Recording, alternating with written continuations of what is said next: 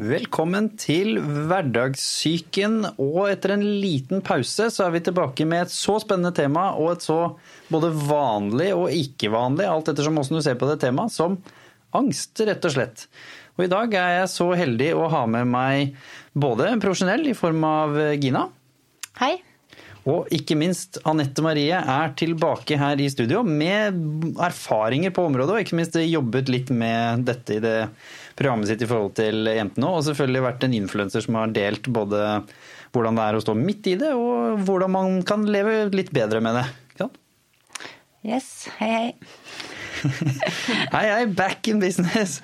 Her er man uh, veldig klare for å ta fatt på dette her temaet. Det er jo et spennende og viktig tema, så vi kan jo kanskje begynne med hva slags uh, erfaring har du på det her, uh, Gina?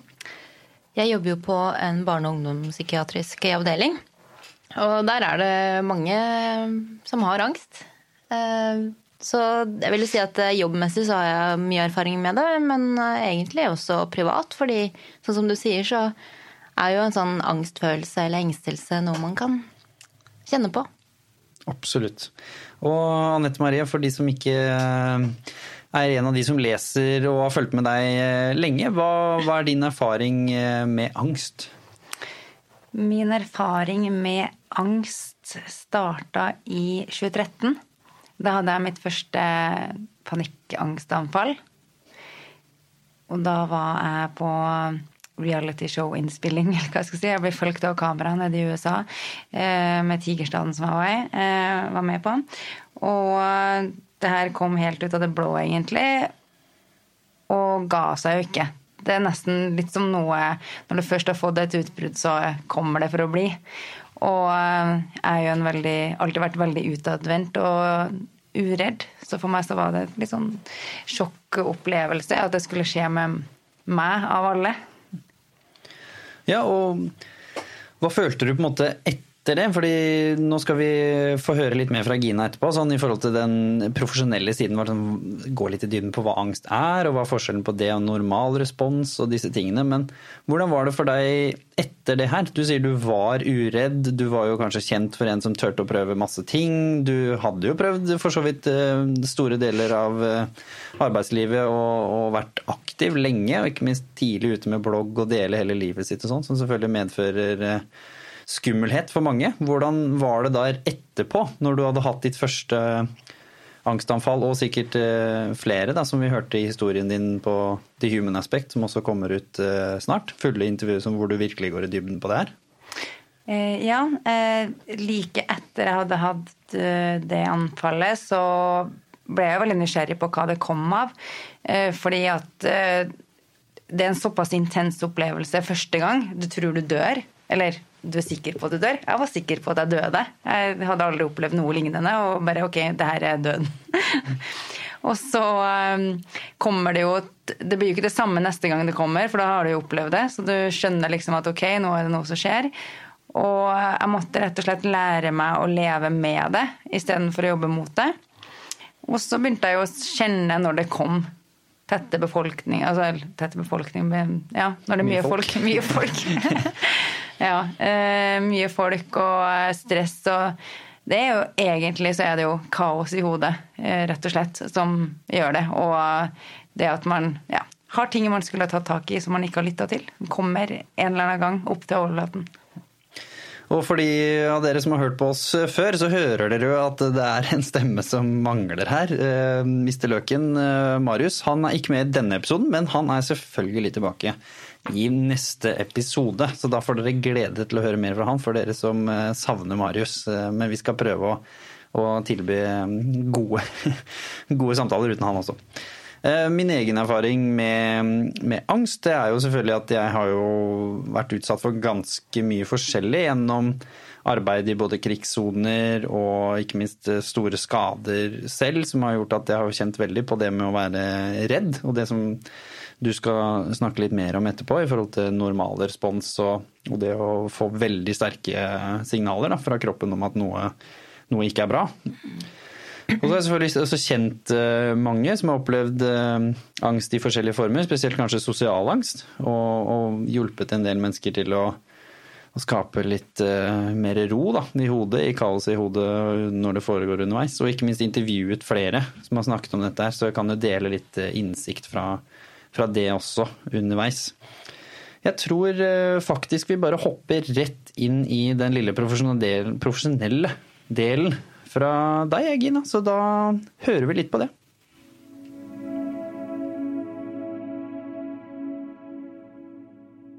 Og vi er så heldige å ha med oss i denne episoden en vi, Det er jo lov å si en liten eh, ekspert. Det er fagperson, er det vel det heter sånn rent uh, offisielt, er det ikke det? Ja, jeg vet jo ikke helt om jeg er ekspert, men jeg, det vil jeg jo ikke si, da. Uh, men fagperson. Fagperson er bra. Ja. Så du skal rett og slett nå gi oss litt innsikt i hva er angst egentlig for noe? Så hvis vi begynner med på en måte selve begrepet hva er dette her for noe egentlig? Hva, ja. hva er det? Nei, øh, angst øh, jeg, tror, jeg, tror, det er veldig gjenkjennelig hos veldig mange. Jeg tenker at øh, alle har kjent på det å være engstelig. Ehm, og at ehm, det er viktig å skille mellom det som kan være plager, sånn litt sånn i hverdagen, da, eh, og det som vipper over til å bli lidelser. Eh, for der er det jo mange sånne diagnosekriterier og varighet og andre ting som spiller inn, da. Eh, men eh, angst er i veldig stor grad genetisk. Og angst er også en utviklingsmessig reaksjon som vi mennesker har i kroppen vår. Den er til for at vi skal kunne tilpasse oss situasjoner. Og også være oppmerksomme og fungere effektivt. Eh, ja, ved eventuelle farer, da. Hva skal vi si, Hvis du skulle forklart det så enkelt som mulig til noen som egentlig ikke kunne så mye om det, altså som du jobber jo en del med barn og unge, sant? Mm. hvordan ville du forklart eh, angst til noen som ikke vet hva det er? Jeg tenker at angst er en veldig naturlig del av det å bare leve. Uh, men det som skjer mer sånn fysiologisk i kroppen din, da, det handler om en respons man kan kalle flukt-kamp-responsen vår.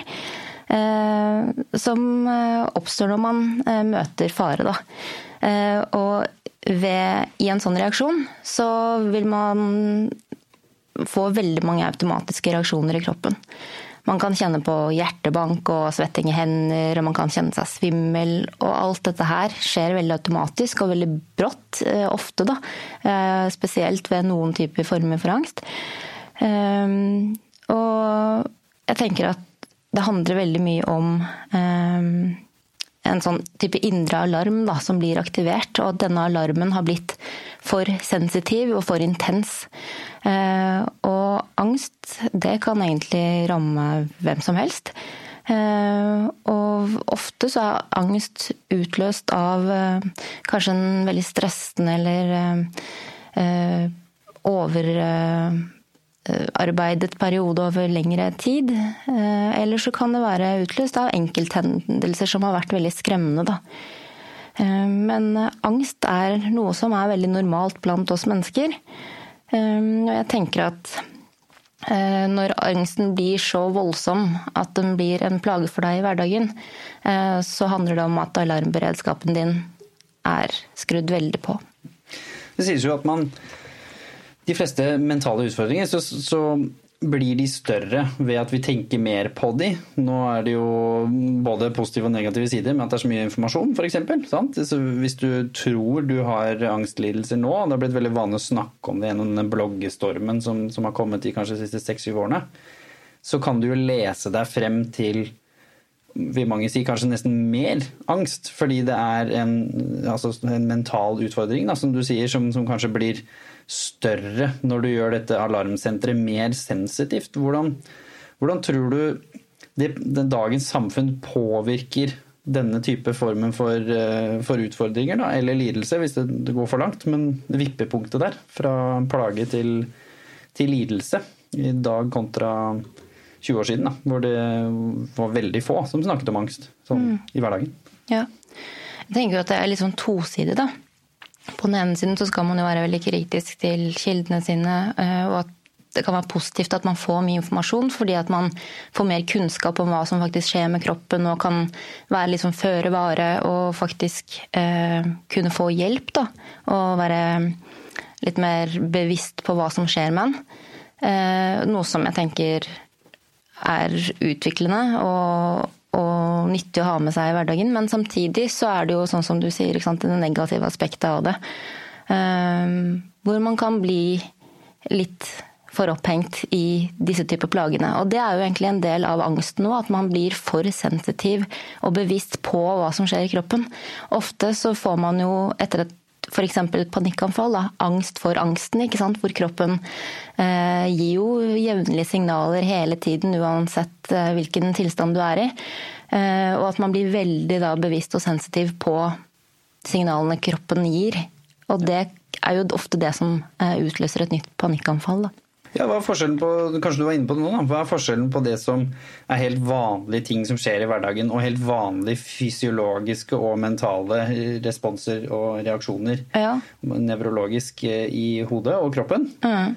og det at angst er noe som hindrer deg i hverdagen. Mm. Som du sier, eh, kanskje det er det at rasjonelt versus irrasjonelt jeg rasjonelt vet at hvis jeg nesten ble påkjørt fordi jeg titta på mobilen når jeg gikk over gata, mm. så vet jeg at å, oh, gud, da ble jeg stressa. Og så kjenner jeg at det, liksom det banker i, i, kroppen fordi noe nesten skjedde. Og jeg ble jo redd. Mm. Men så er jo bilen kjørt forbi, så da tenker jeg jo ikke noe mer på det. Og det at jeg faktisk er redd for å gå over gata fordi jeg er mm. redd for å bli påkjørt, ja. som kan være en angst. Mm. Ja, jeg tenker jo egentlig akkurat det. ikke sant? Det irrasjonelle eh, tar overhånd.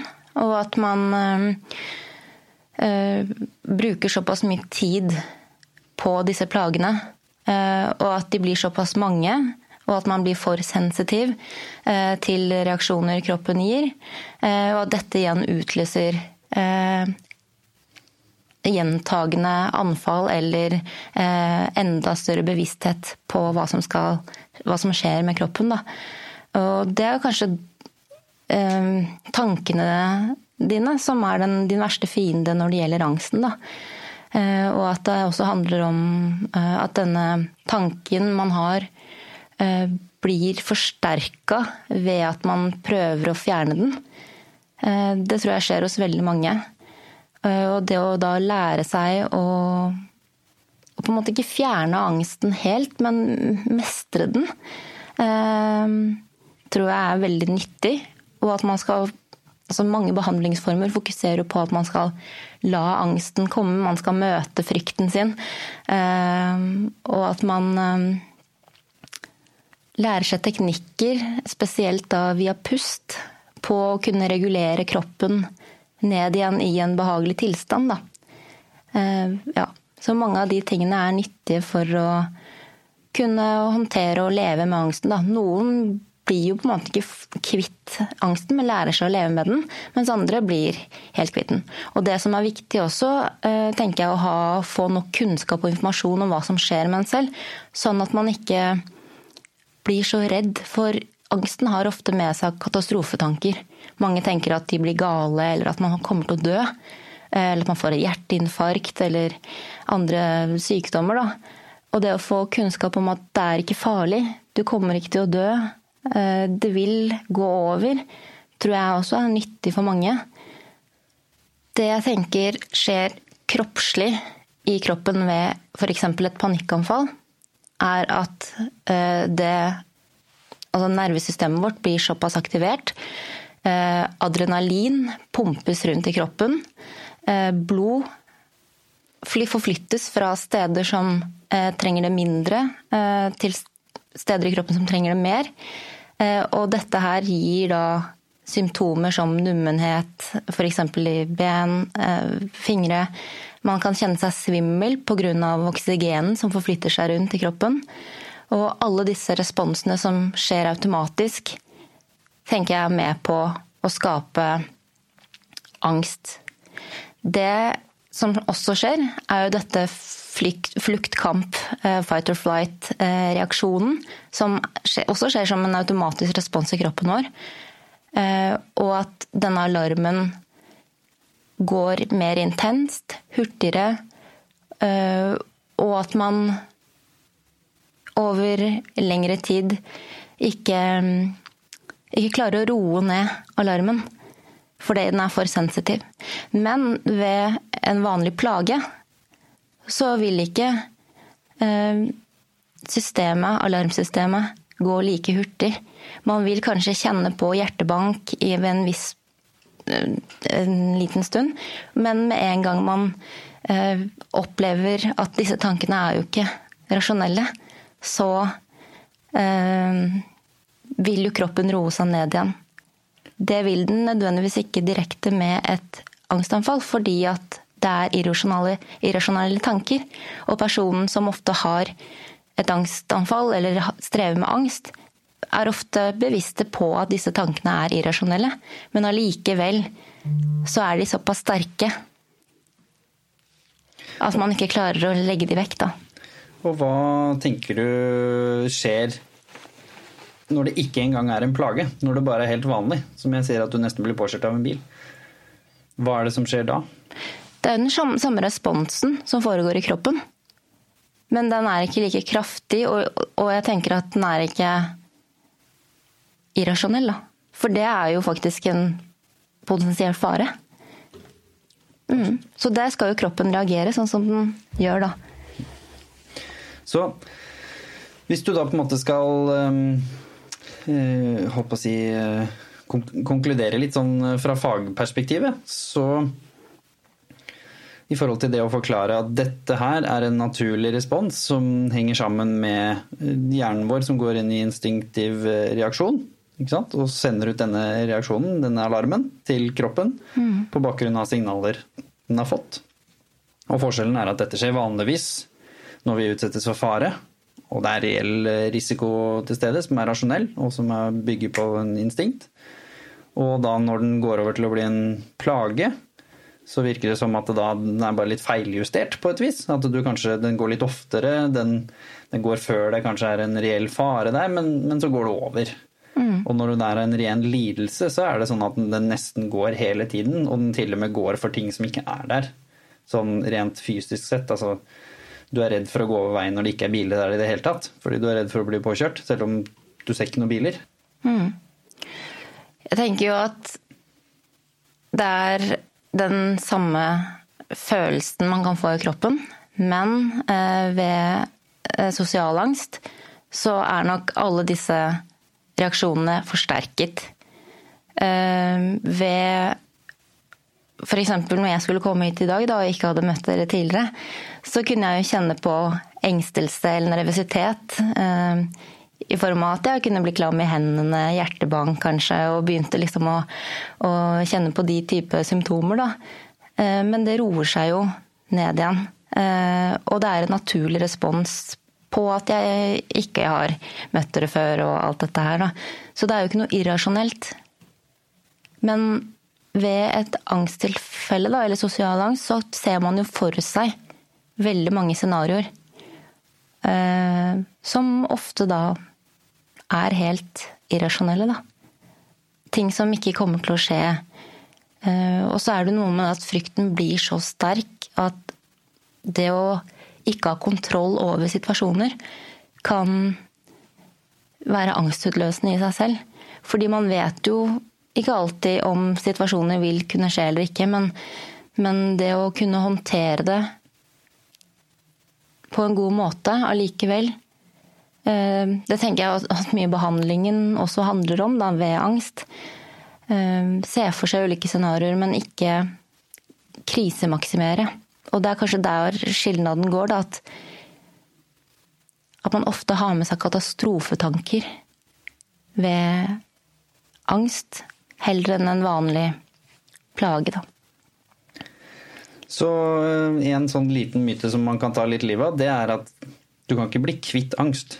Fordi, eller sånn respons. Dette er en naturlig del av kroppen din. Så den, da ville det vært noe virkelig gærent hvis den ikke var der. Da burde man vært bekymra. For da hadde man jo strengt talt ikke hatt denne fantastiske alarmsentralen som er klar, sant? Men det er som du sier, her handler det om faktisk å vite forskjellen på en normalrespons og en faktisk reell lidelse som er dominerende i livet ditt, og da bestemme seg for hvordan skal jeg klare å leve godt med den, eller justere den da tilbake til enten en lett plage eller en vanlig respons. Mm. og mye av det handler også om det å møte frykten sin. Da. Eh, jeg tenker at man, Det krever veldig mye mot og viljestyrke og eh, veiledning og ja. Eh, for å kunne gjøre det, som man kaller det som eksponering, da. For det man frykter kanskje aller mest. F.eks. da ved en sosial setting, at man oppsøker det. For det er jo akkurat det som også er kanskje skilnaden her, da. At ved angst så vil man kanskje unngå å isolere seg. Uh, unngå helt disse typer steder som kan gi angst. Um, men ved en plage så vil det gå over, og jeg vil ikke unngå det på samme måte, da.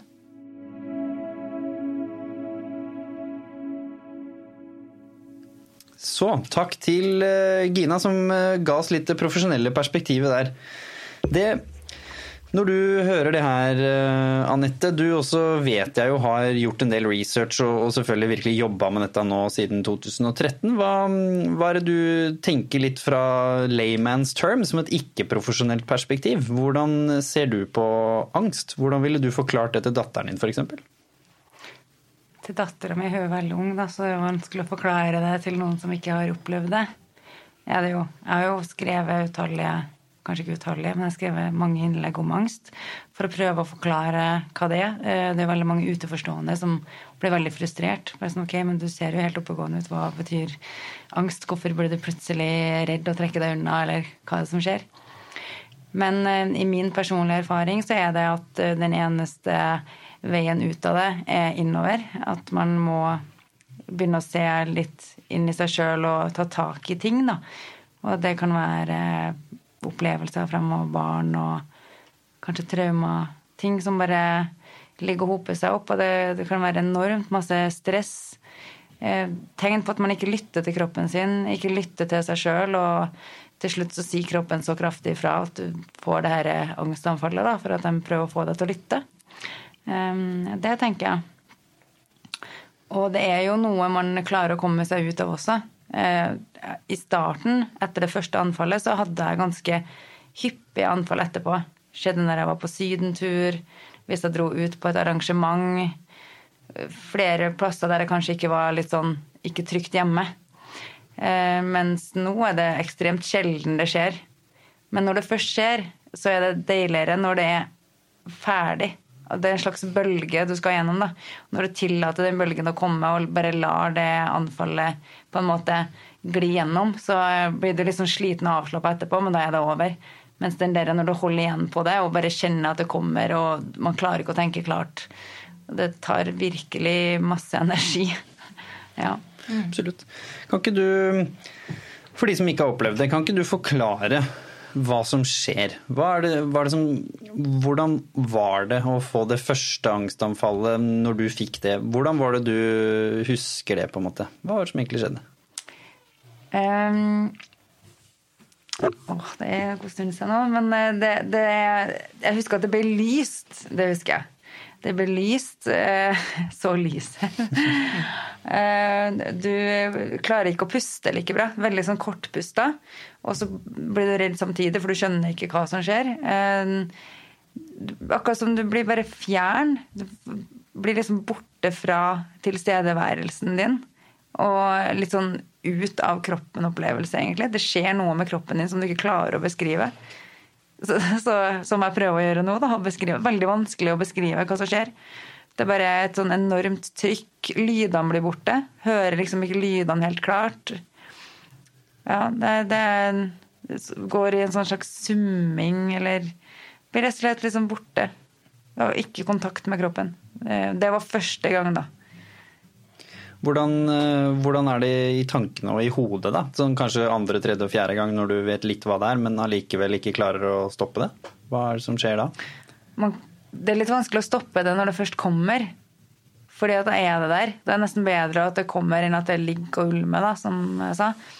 Men uh, det som skjer nå, er at jeg kjenner at jeg blir Jeg kjenner pulsen øke jeg kjenner at jeg ikke vil være her. Jeg er i en situasjon der jeg ikke vil være. Og det kan skje hvis jeg er trøtt eller sliten, har jobba for lenge. Eh, ting som Red Bull, kaffe, sånne ting. Kan du trigge det også? Og for dem som snuser, det kan også være en trigger. Det er mange ting som kan trigge det. Men jeg kan kjenne at jeg, at jeg vil bort fra en situasjon. Da. Jeg kan kjenne at det, det, Nå kommer angsten, nå kjenner jeg det, for nå har ikke jeg kontroll over situasjonen. Du mister rett og slett kontrollen over ja, situasjonen du er i. da. Kanskje du har for mye i huet, plutselig så står du med altfor mange folk i altfor mange samtaler. Du bare kjenner ikke at du er der du skulle ha vært. da. Mm. Det er jo såpass mange automatiske reaksjoner som skjer i kroppen. Så det er jo ikke så rart at man kjenner på akkurat det du sier. ikke sant? Og det er jo veldig vanlig å kjenne på også. Og at man mister kontroll, og at man får litt sånn katastrofetanker. ikke sant? Samtidig som du nevnte at nå kommer jeg til å dø. Ja. Men det som jeg syns er fint at du sier, da, er at du, du lærte deg å kjenne igjen de symptomene eller reaksjonene din kroppen gir deg. Og det er kanskje det som gjør at du kommer igjennom det nå, da. Eller jeg vet ikke. Ja, jo, det er jo det, selvfølgelig. Og så er det jo at jeg har hatt min indre reise da, de siste årene som jeg virkelig har tatt tak i. da. Begynt å liksom bli kjent med meg sjøl og gitt meg alenetid, meditere, gjøre ting som gjør meg godt. da. Jeg går alene i skogen. Gjorde jeg aldri før. Alenetid, rett og slett. Jeg var aldri alene før. Jeg bare kjørte på ett sett helt til det stoppa. Hvor mye har det egentlig å si, eh, Gina? Fordi det her går jo litt inn på at Vi vet jo at statistisk sett så øker jo nå mental helse noe helt ekstremt eh, på verdensbasis med nye WHO-rapporten. Og Forskningsinstituttet og alle de i England og de som følger på, støtter opp under det samme. Er det måten vi lever på som er i et høyere tempo enn det var? Som er med å trigge dette her? Fordi er det sånn at hvis jeg har veldig mye ting i hodet, kanskje ikke sover så godt som jeg burde, kanskje slurver litt med kostholdet, litt mye kaffe og ting som hjelper meg å prestere eller holde trøkket oppe, er det disse tingene da som er med å sørge for at dette alarmsenteret som du snakket om, da, blir oversensitivt rett og slett fordi du fysisk og mentalt er sliten? Tenker at det er en eh, tendens til det, ja. Og jeg tror at ifølge Rådet for psykisk helse tror jeg det er så mange som 30% som vil få en angstlidelse i løpet av livet, da, som er veldig mye. Jeg tror at det handler også om tiden man lever i, som du nevner. At man er for dårlig til å kjenne etter. At man har fokus utover og ønsker å ja, alle disse tingene man snakker om, å realisere, realisere seg selv og individualismen og um, Veldig mange faktorer som gjør at man ikke kjenner ordentlig etter da, på hva kroppen trenger. Og det å slappe av, det å sette av tid til egenpleie Jeg tror mange av de tingene er viktige, da. Anette Marie, du er jo ekstra inn i dette her nå, er det vel lov å si. Du har allerede nevnt din indre reise. Hvor, hvor, viktig, eller hvor stor forskjell kjenner du når du har det bra kontra når du ikke har det bra i forhold til angsten? Når jeg har det bra, så er den jo fraværende, skal du si. Da har jeg kontroll, da har jeg ro. Hvis jeg har gjort de tingene som gjør meg bra, da. Hvis jeg har sovet godt, meditert, spist riktig, tatt vare på meg sjøl, rett og slett, så skjer ikke de anfallene. Det skjer hvis jeg har overkjørt meg sjøl og latt det gå diett og tatt på meg for mye, rett og slett, uten å slappe av. Nå kommer neste spørsmål. Da. Hvorfor gjør vi det? Hvorfor, hvorfor gjør du det? Hvorfor lar du det skje, selv om Altså, nå, nå, skjønner jeg at eh, når du mener at du har tatt på deg for mye, så er det jo gjerne klassisk at du trodde du skulle ta en time, og så tar det fem, og så sant, det er en som ikke dukker opp, sånn som her nå. Plutselig sitter ikke Marius her, og så, så blir det ekstra stresselementer. Så jeg skjønner jo at du ikke planla at det skulle skli ut. Men hvorfor, hvorfor, skjer det selv med så bevisste mennesker som deg, som kan så mye om det, tror du? Hvorfor Det skjer jo sjeldnere og sjeldnere. Det gjør det. Men eh, det, det, spørs jo kanskje hvilket type menneske man er, men sånn som meg har jo alltid gjort veldig mye. Eh, ekstremt mye. Og det året jeg hadde mitt første anfall Jeg klarer ikke å gjøre så mye nå lenger. Det er på en måte en sånn slags superkreft jeg hadde som bare er helt borte. Jeg har ikke sjans å kjøre meg så hardt nå uten at jeg kjenner at jeg må roe ned. Da. Så den eh, sperra for hvor, eh, hvor det blir for mye, den eh, ja, den kommer litt nærmere og nærmere for hver gang, tror jeg. Men, Man endrer seg jo også litt i løpet av livet. Da. Det vil jo være perioder hvor man tåler mer Ja. stress og press, og andre perioder så ja, gjør man jo ikke det. Og jeg tenker også at et angstanfall da, eh, er jo kroppens måte å si fra på at nå må du roe litt ned, nå må du bremse. Eh, Og at eh, det er veldig vanlig å få et angst- eller panikkanfall da, i de settingene som du nevner nå. ikke sant? Hvor man enten at det er utløst over tid fordi at man har vært i en periode hvor det har vært altfor mye over lang tid, eller så er det jo enkelthendelser også som kan trigge det. Jeg husker eh, Nick, en av kanskje våre eh, altså, mest sånn tydelige intervjuer om, om angst, som hadde en liksom lignende type opplevelse som Anette. Liksom super fearless person, breakdanser, stått på scenen foran hundretusenvis av mennesker og liksom vært overalt og alltid vært en kanskje litt sånn tøff type også, da, av personlighet. Og så plutselig så bare smeller det, og så klarer han ikke å gå ut døra og er livredd for eh, både dørstokk og postkasser og, og alt som er. Og redd for å sette fast T-banen plutselig inn i tunneler og liksom irrasjonelle responser, da, som du sier. Han forklarte det så fint når han sa hva det var. Det han sa var at når du har angst, så er det at skjoldet ditt er nede. Det hvor du vanligvis kan ha oppe, og som kan ta imot disse små støtene fra sånne egentlig litt sånn fjerne ting som du egentlig ikke er så redd for, og som egentlig ikke er så farlig sånn rent rasjonelt sett. De treffer det skjoldet, og da går det fint. Når du har det bra, som du sier, Anette. Da, da skjer det jo like mye sånne litt uforutsette ting, eller ting du må deale med, eller kanskje litt sånn vanskelige utfordringer på jobb og, og det å være mamma for den saks skyld. Og så, sånne type ting. Men det går fint. Men når skjoldet er nede, når du er sliten, og du kanskje har pusha det for hardt, ikke helt fulgt med, så går disse inn. Og så blir plutselig da en liten pil, da, eller et lite stikk, eller en liten stein, eller hva man skal si som kommer forbi skjoldet, plutselig gjør vondt over tid. For da blir det for mange, og så til slutt så bare bang, så smeller det. Den ene store smellen som du kunne ha tatt imot med skjoldet, som hadde gjort vondt, men som ikke hadde vært helt krise, som er det panikkanfallet, går da rett inn i kroppen uten skjold og bare bang, helt ute. Slått ut. Og så kan da den mest fearless personen som ingen hadde forventet, som Nick sa, da han sa Altså, ingen av vennene mine hadde trodd at jeg skulle noen gang deale med det. Jeg hadde ikke trodd det, sa han. Og så plutselig sto jeg der. Det føler jeg er litt sånn klassisk. At mange av oss eh, minisuperheltene som skal gjøre alt eh, og hundre ganger til, det er vi som får den skikkelig smellen. Ofte. Vi tøyer kanskje grensene mye lenger også. Men jeg har eh, jeg kom på et eksempel fra en sånn typisk situasjon. Ikke typisk, eh, men eh, jeg havna i en billettkontroll når jeg var seint ute på jobb på en lørdag eller søndag. Det var et sånn fitnessstevne jeg skulle på med det her teamet jeg liker som jeg driver, da. Og hadde, jeg var litt seint ute, så var jeg småstressa, og så hadde jeg masse andre tanker som surra, som også ville ta meg av. Og så hadde jeg ikke betalt eh, billetten min. Eh, og så er det kontroll. Og med en gang jeg ser at det er kontroll, så kjenner jeg at nå, kom, nå får jeg angstanfall. For det bare renner over for meg. Det har liksom skjedd så, det krasja så mye før jeg skulle dra, og så bare sånn prikken over i-en. Men det var en veldig forferdelig opplevelse, fordi jeg klarte ikke å prate. Du klarer ikke å prate når det anfallet kommer. Så jeg ville bare bort. Og de prøvde liksom å si ja, du får bot og sånn. Og jeg bare nei. Og jeg la ifra meg mobilen og alt til dem for å vise at jeg skal ikke stikke av. Bare sl- slipp meg, liksom.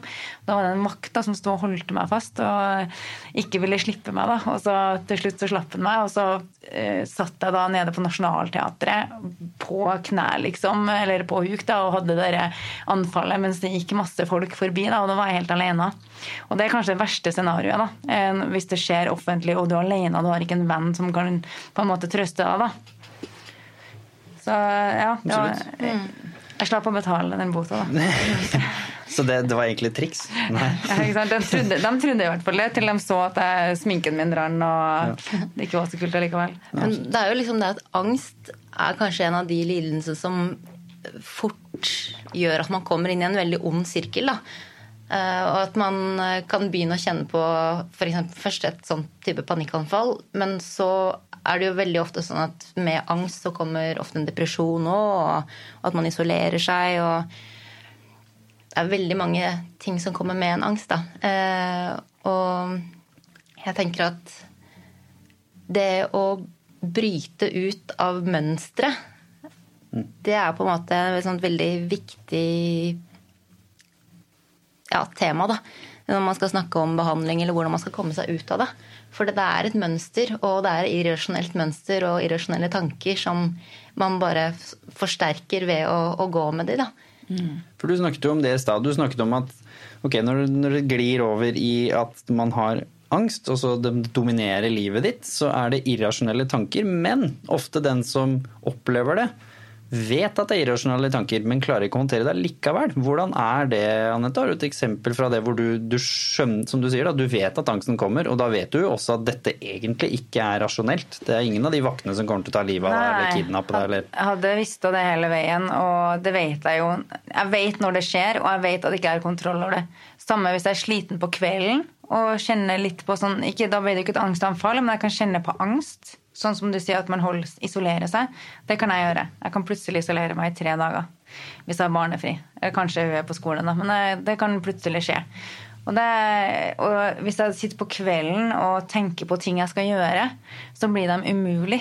Altså, alt jeg driver med, blir umulig. Jeg får lyst til å legge ned bloggen. Jeg får lyst til å legge ned det jeg driver med. Jeg tenker bare, nei, jeg klarer ikke det her. Og hva jeg har tenkt på? Jeg har tenkt å skrive en bok. Hvordan skulle jeg klare det? liksom? Det er bare teit. Og så får jeg liksom alle de dumme tankene. At ja, virkelig, da. Jeg tror på dem, ikke sant. Mens med tida så har jeg liksom begynt å skjønne det her. da, Ok, det er seint, og jeg tenker på det her. Det, det er bare fordi at jeg er sliten. Så jeg blir flinkere og flinkere til det. Men det er vanskelig, for det er noe som tar over kroppen. Men den der å vite at ok, ikke tenke på viktige ting, ikke løse verdensproblemer når det er sent på kvelden. Og man begynner å tenke, og jeg kan sitte og grine plutselig, for jeg bare å nei, det her nå går det rett fest, eh, liksom. Men så er det bare å egentlig bare gå og legge seg. Bare Legg deg og sov. Ikke mm. tenk. Slå av. Er det litt sånn selvoppfyllende profeti også? Fordi jeg tror alle har sånne tanker. Jeg tror ikke Anette er den eneste som kommer på kvelden og føler at ting er umulig på jobb, eller ting er umulig med noe man ønsker å få til og sånne type ting. Men det, det virker jo som at når man da kanskje ikke liksom har kommet inn i et angstmønster eller et, et, et, negativt tankemønster, så blir det bare med den tanken. Det er jo samme som Sånne tanker har jeg hele tiden. Altså, jeg er jo gründer og har ikke lønn og har ikke stabilitet. Altså, det tenker jeg nesten hver eneste dag. Så har jeg et sånn bitte lite breakdown før jeg bare lar det skje, da, som, du, som, du, sa. Og så kjenner jeg litt på det, og så prøver jeg å nappe ut et eller annet lurt av det. Da, hvor jeg tenker kanskje oi, hvorfor er jeg redd for det her? Er det noe jeg kan gjøre med det i morgen eller det neste uka eller neste måned? Og så går det over. Så, så glir det ikke inn i noe angstanfall fordi jeg vet at det er irrasjonelt. Og jeg kjenner det igjen. Mens det gjorde jeg jo ikke de første gangene, selvfølgelig. Da varte jo dette i ukevis, hvor jeg var veldig stressa og dårlig energi og, og veldig negativ rundt det. Hva er egentlig liksom forskjellen på det? Er det sånn at hvis, når du har, vet at du har angst, så glemmer du at du har sånne tanker når du ikke har angst òg? Liksom, skaper du din egen angst på en måte noen ganger? Altså 50% f.eks., eller 30 eller? Jeg tror alltid vi skaper vår egen eh, angst. Vi er ikke bevisst på hvordan vi tenker eller hvordan vi handler. Og når man ikke er bevisst, så skjer det. For det er jo ikke noe annet enn tankene våre egentlig, som utløser det. Uansett om det er noe vi har sett eller opplevd, så er det våre tanker i, i, i, relasjon til den tingen eller den opplevelsen som gjør det. Og den største skurken oppi alt det her er jo sosiale medier. Det er jo eh, Altså, vi har jo aldri hatt eh, så mye angst før som vi har nå. Alle har jo angst. Hvis du går i kjendisverden, herregud, nesten alle har angst. Mm. Og, det er jo også det, sånn som du nevner, da, Jimmy, at det er tanken ens egen tanke som er ens verste fiende når man står midt oppi det, og at man forsterker tanken ved å tenke på den og tenke at man ikke skal tenke på den, og skyve den unna. Eh, og sånn er det spesielt kanskje liksom ved tvang og andre sånne typer lidelser. at hvis man sier liksom nå skal dere ikke tenke på en rosa elefant, så tenker dere jo på det. Fordi at altså det sier noe om hvor stor makt tankene våre har. da. Og at jeg tenker det, det eksempelet du hadde i stad også, at det eh, er jo med på å skille mellom frykt og angst, kanskje også. da, At frykt er en normal reaksjon på ganske eh, en sånn unormal situasjon. Mens angst kan være det motsatte. ikke sant? At det er en mer sånn unormal reaksjon på en ganske normal situasjon. Absolutt. Han ene mm, som, som skrev til oss når vi, når vi, spurte om hva folk ønsket at vi skulle snakke om. Han var jo innom da at han ønsket å snakke om, snakke om angst. Og litt sånne tvangstanker. Litt som f.eks.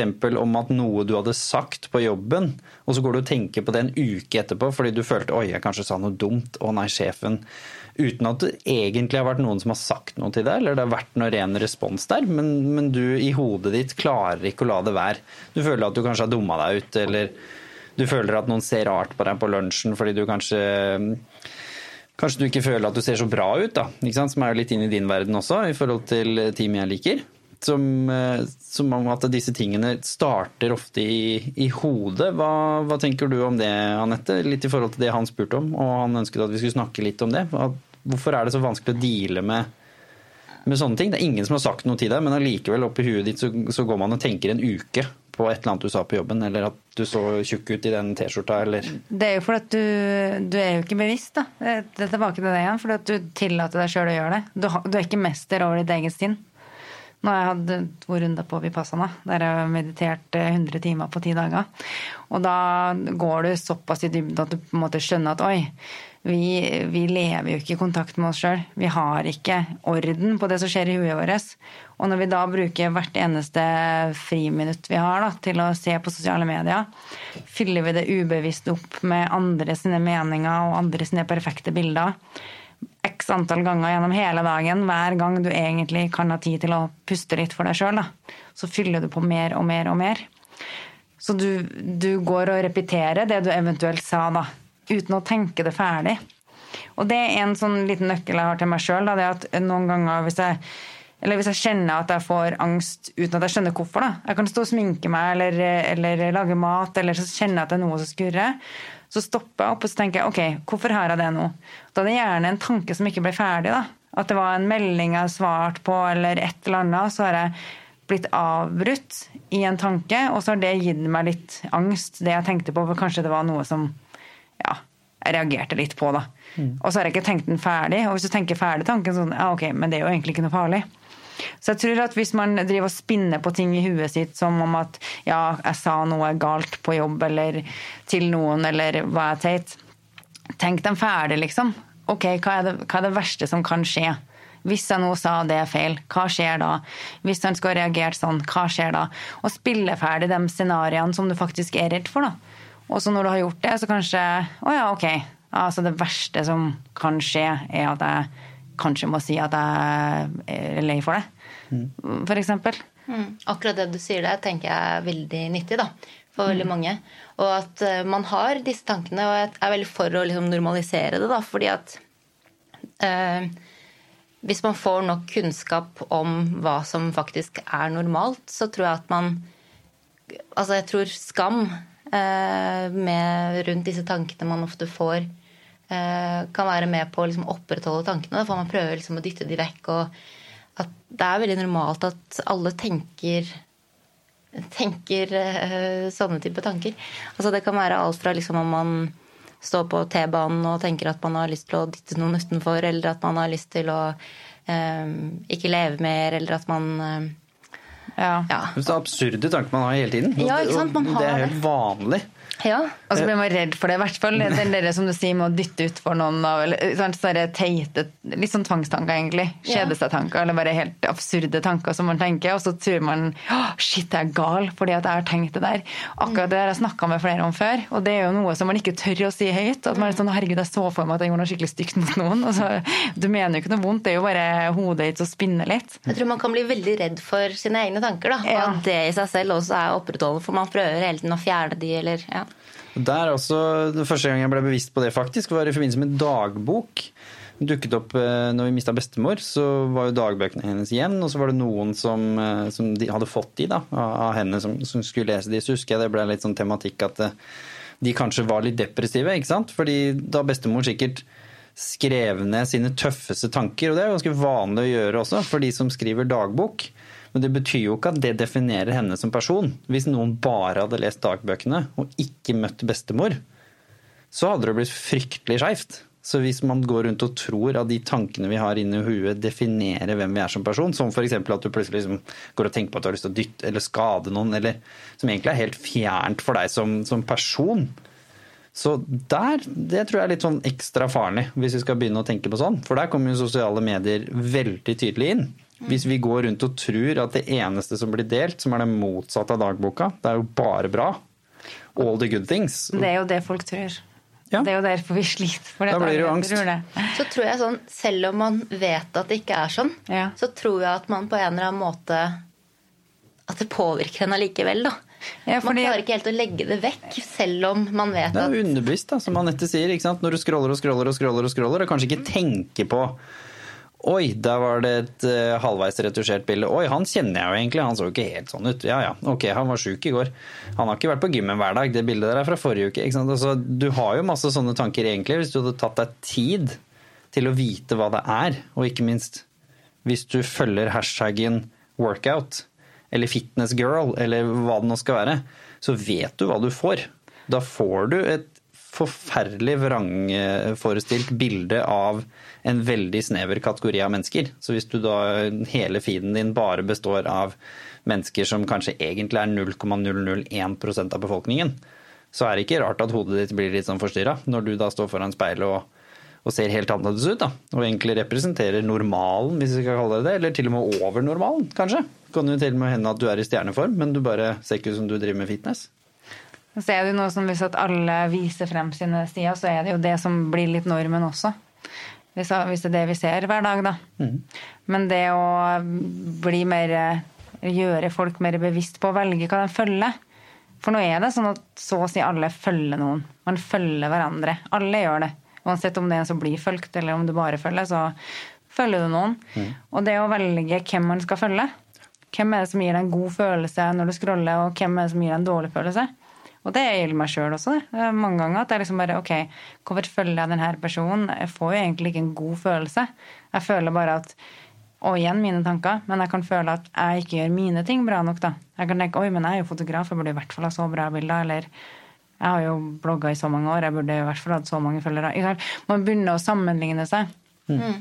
Men samtidig da, så tror jeg at man får de reaksjonene i en hverdag. Eh, at man, det ofte kan oppstå. Men samtidig så er det sånn at litt av det jeg nevnte kanskje tidligere, men at man må skille mellom plager og lidelser. da. Fordi at man vil jo kjenne på engstelse og, og andre ting knytta til de tingene.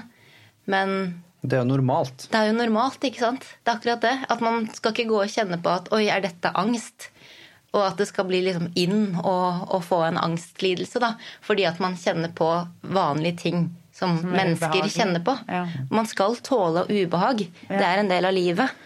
Det er jo en av de mytene som eh, vi har på, på blokka her. For i dag vi liker jo å prøve å ta litt liv av myter. Og den nye generasjonen så har det vært veldig mye fokus på disse tingene, og den nye generasjonen har blitt presset inn i en del ting. Nå skal jo ungdommer både redde verden og redde kvinner og redde planeten og redde dyra skal redde alt. Alle som er under 25, virker det som noen ganger når man leser mediene. Hva er egentlig forskjellen på bare press og det å være litt redd og være en generasjon som egentlig ikke har opplevd noe? Da snakker vi om store, dominerende ting. Har moren din hatt kreft, så har du opplevd noe. Det har jo ikke noe med hvilken generasjon du er. Men den generasjonen som vokser opp nå, har ikke opplevd noen globale kriser annet enn klimakrisen noen gang i, i, Norge. Det har ikke vært konflikt, det har ikke vært mangel på mat, det har ikke vært noe voldsomt sykdomsutbrudd. Liksom, disse tingene har ikke skjedd. Det har ikke vært noen ekstreme naturkatastrofer heller i Norge. Hva gjør det med det derre egentlig urinstinktet som er jo lagd for å håndtere sånt? Den er jo egentlig ikke lagd for å deale med den verden vi driver med nå. Den er jo skapt for å hjelpe oss å unngå å bli drept eller rote oss ut i, i døden. Det er veldig sjelden du trenger i 2019. Mm.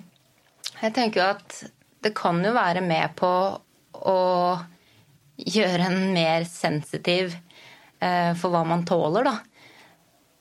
Men samtidig så tenker jeg jo at ja, mange av disse tingene her er vanlige ting som har vært med oss i flere generasjoner. Det er en helt naturlig respons i oss. Men at tiden vår er med på Og kanskje gjøre det litt mer sensitivt for ting Sånn de småtingene i hverdagen, da. Er det litt sånn skjerpe seg-følelse her også, Anette? Er det litt sånn når man, når man er den eldre generasjonen, da, så har man kanskje liksom jobbet øh, siden man var ung, man har drevet med mye ting, man hadde ikke samme muligheter, og litt sånn som ungdommen som er i dag, så man sleit litt mer, da, hvis du skal kalle det det, for å komme dit man var. Det betyr ikke at folk ikke jobber hardt i dag, det gjør man jo absolutt, selv om man har muligheter, men det var en annen vei som ofte var litt større slitasje. Er det, er det blitt litt for sensitivt? Har vi skapt et samfunn hvor, hvor folk rett og slett uh, lar seg selv bli skubba litt av pinnen av det som egentlig er normalt, og som har foregått i århundrer, på en måte, for alle generasjoner? Jeg tror vi har eh, Jeg tror vi lager oss ganske mange problemer. Ja, det tror jeg. Jeg tror vi lager veldig mye problemer av bagateller. Uh, ofte materialistiske bagateller, eh, fordi det har blitt så materialistisk rundt oss. Og vi her i Norge, vi har det så bra. Det går ikke an å være fattig i Norge. Altså, folk snakker om fattigdom her. Det er bare å reise litt rundt i verden og se. Jeg har reist mye. Og når du kommer hjem til Norge, så skjønner du at vi er og vi kan ikke noe for det heller, men vi er på en måte bortskjemt på denne jordkloden. Vi har det kjempebra, og en som er fattig i Norge, kan ta seg en tur en annen plass og si at han egentlig er rik. Um, Fokuset har jo endret seg, sånn som du sier, men samtidig så tror jeg at den følelsen man får Det er like ekte. Den er jo like ekte. Ja, det er like ekte. Hodet ditt vet jo ikke forskjell på visualisering og en ekte opplevelse engang. Idrettsutøvere bruker jo dette hele tiden. De fysisk kjører løpet inni hodet sitt, og dagen etterpå så går det på autopilot. Og så har de egentlig aldri kjørt eh, den løypa.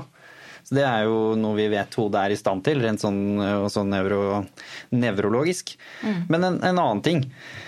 Bli kvitt angsten er sånn typisk ting man sier. Er det i det hele tatt mulig, sånn rent fysiologisk sett, eller er det bare mulig å gå fra at man har en dominerende irrasjonell uh, angstlidelse, som den sier, og gå ned til et mer normal respons, eller en sånn lettere plaget når man er sliten? Ja, jeg tenker at det er helt mulig å bli kvitt det. Men vil man det, holdt jeg på å si? Man vil jo ha Selvfølgelig vil man bli kvitt angstlidelsen, men frykten eller angsten som driver en videre, sånn menneskelig, det vil man jo ikke bli kvitt. Eller det går ikke an å bli helt kvitt. For det er en helt naturlig overlevelsesreaksjon. Ja, det er jo en, en del av oss. En del av oss. Men akkurat de anfallene, det er jo Ja, jeg tror helt at man kan slippe å deale med det hvis man klarer å ta vare på seg sjøl. Det handler bare om å ta vare på seg sjøl. Mm.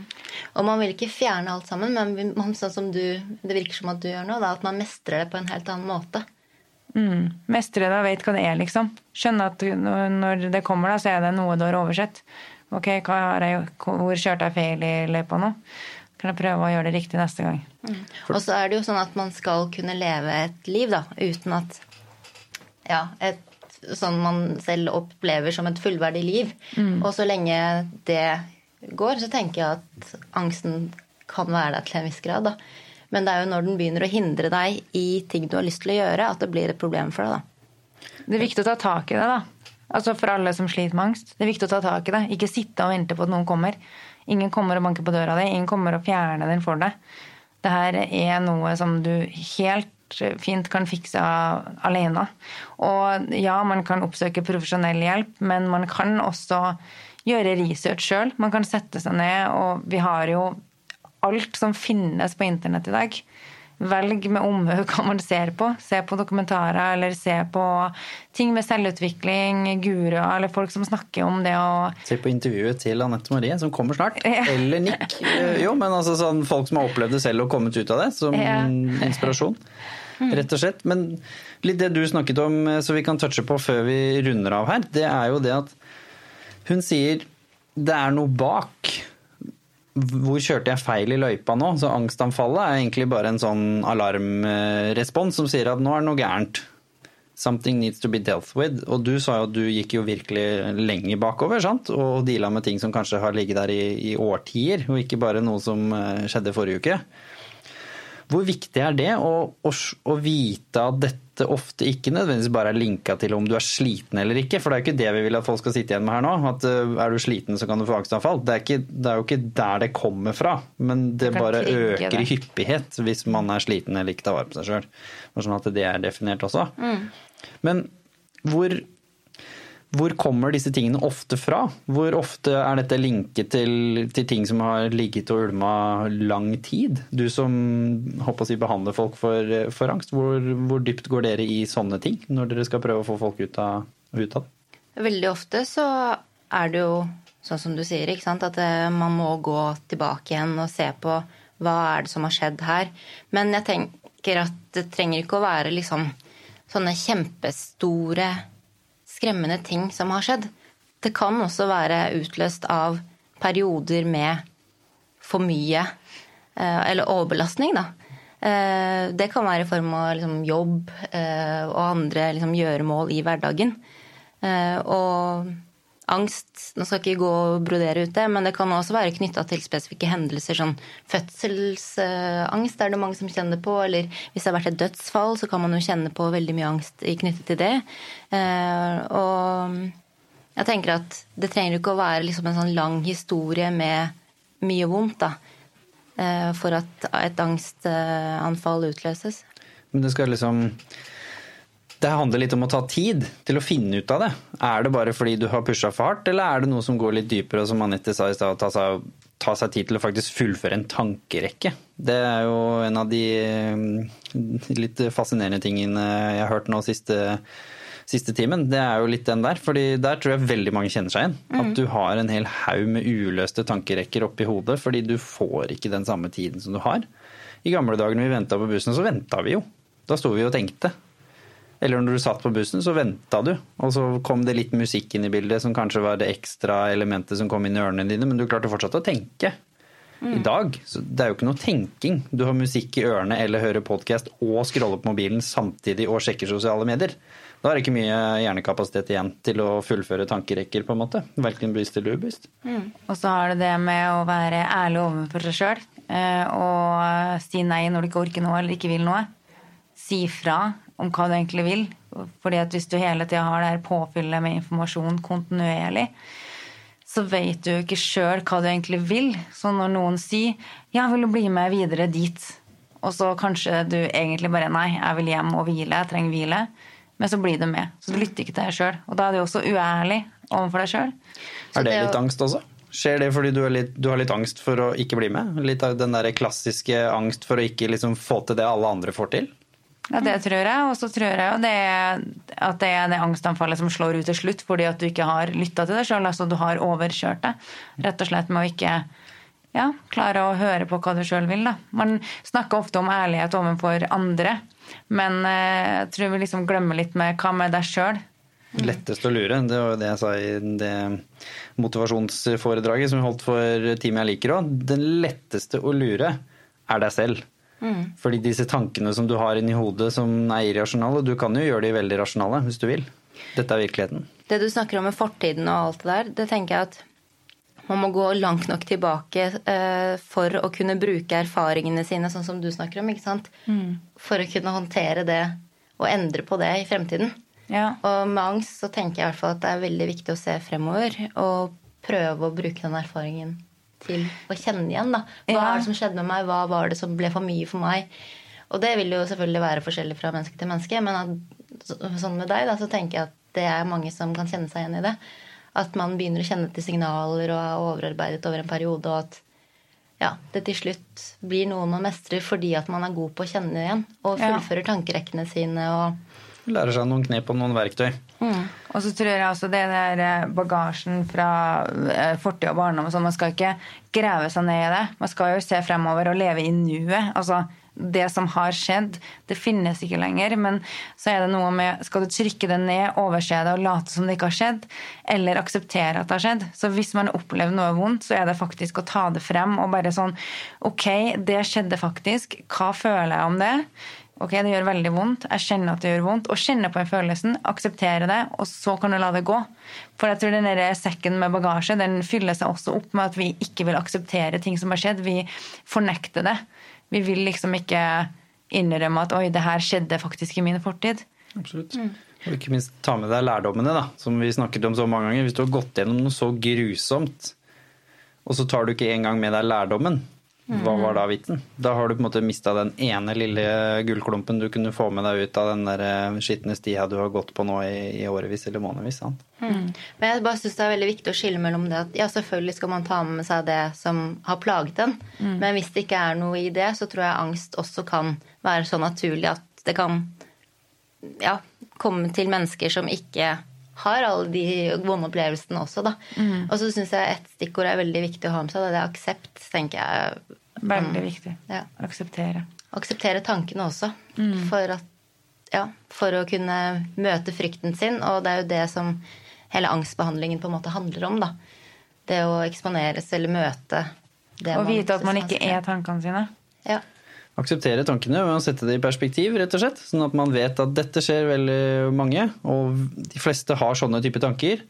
Og De trenger ikke å definere verken hvem du er som person, fordi om du tilfeldigvis i fem mikrosekunder tenkte på å dytte noen ut fra, fra T-banen, som er en veldig destruktiv eh, tanke for de fleste av oss, eller at du er redd for eh, å gå på scenen, selv om du vet at det er ikke noe farlig, ikke sant? altså disse tingene her, så tror jeg det er litt enklere. Men nå skal vi runde av med å hvis du skulle fått avslutte med å si én ting til de som kanskje da hører på oss som enten kjenner noen, eller som selv sliter med, med angst, hva ville det vært hvis du skulle latt de sitte igjen med én ting de kan gjøre nå med en gang, som kanskje kan eh, hjelpe litt?